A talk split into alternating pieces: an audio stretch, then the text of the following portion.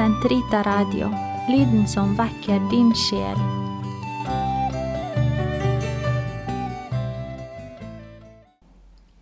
Den katolske kirkes katekisme, uke 13, tirsdag, paragraf 218 til 227.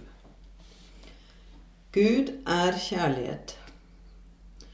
Gjennom sin historie oppdaget Israel at det kun var én eneste grunn til at Gud hadde åpenbart seg for det og utvalgt det blant alle folkeslag for å være hans eiendomsfolk, nemlig ren og skjær kjærlighet.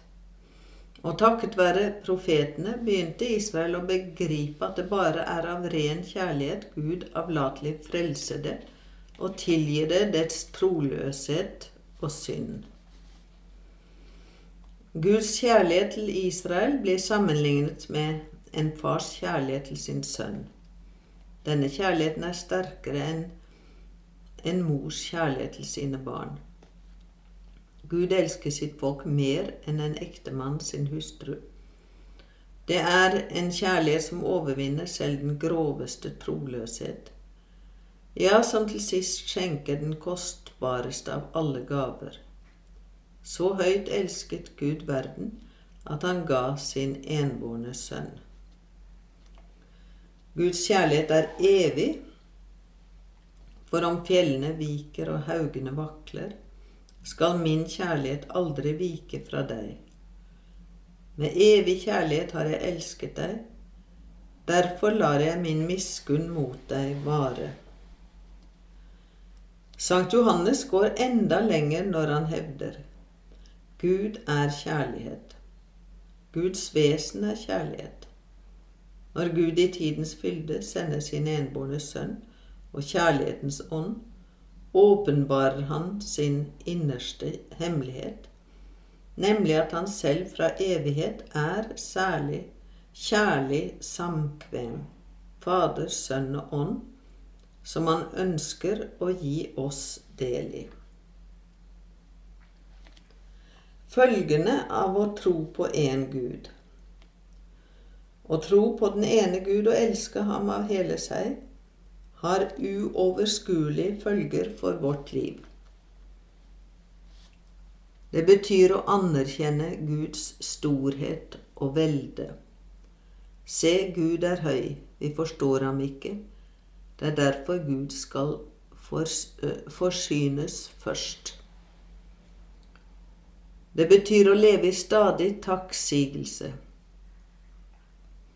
Siden Gud er én, kommer alt det vi er og alt det vi har, fra ham. Eier du kanskje noe som du ikke har fått i gave? Hvorledes skal jeg gjengjelde Herren alt Han har gjort for meg? Det betyr å erkjenne alle menneskers enhet og sanne verdighet.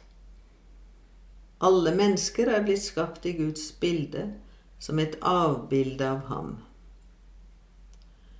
Det betyr å bruke det skapte etter godt skjønn.